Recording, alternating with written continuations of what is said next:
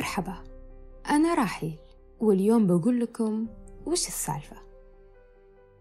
هنا البداية واليوم أعلمكم سالفتي مين أنا وليش أنا هنا وإيش عندي. دائما ما كنت أبحث عن مكان أتكلم فيه براحتي مكان ما يقيدني بلهجة محلية ما يفهمها الكل.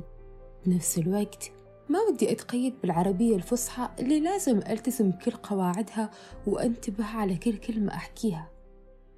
وش الحل؟ وين المكان الصح؟ بحثت عن أكثر منصة أكون فيها أنا. أتكلم فيها بطريقتي وأنا من يخلق حدودي. فكرت كثير قبل لا أخطي هذه الخطوة. أتقدم مرة أرجع ورا مرتين. لأن دائما تهزمني أفكاري. كيف أبدأ؟ وين أبدأ؟ ما أقدر ما عندي إمكانية طيب مين بيسمعني؟ لا لا لا لا لا, لا. أنا المحتوى مرة يهمني. ترددت كثير واليوم اتخذت قراري. هذه مساحتي للحديث وهذه مساحتكم للاستماع.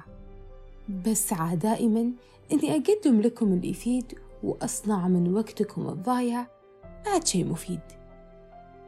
هنا في هذا البودكاست بنحكي أشياء مختلفة. لأني دائما أقول للي حولي أنا مرة أكره الروتين. لذلك هذه مساحة كل مرة بتلقى فيها سالفة جديدة. يمكن يوم أحكيكم قصة ويمكن شخصية يمكن كتاب ويمكن قضية أشغلتنا ويمكن أشارككم رأيي في شيء ما ويمكن أجي يوم وأحكيكم بدون سالفة وممكن أشياء مرة كثيرة.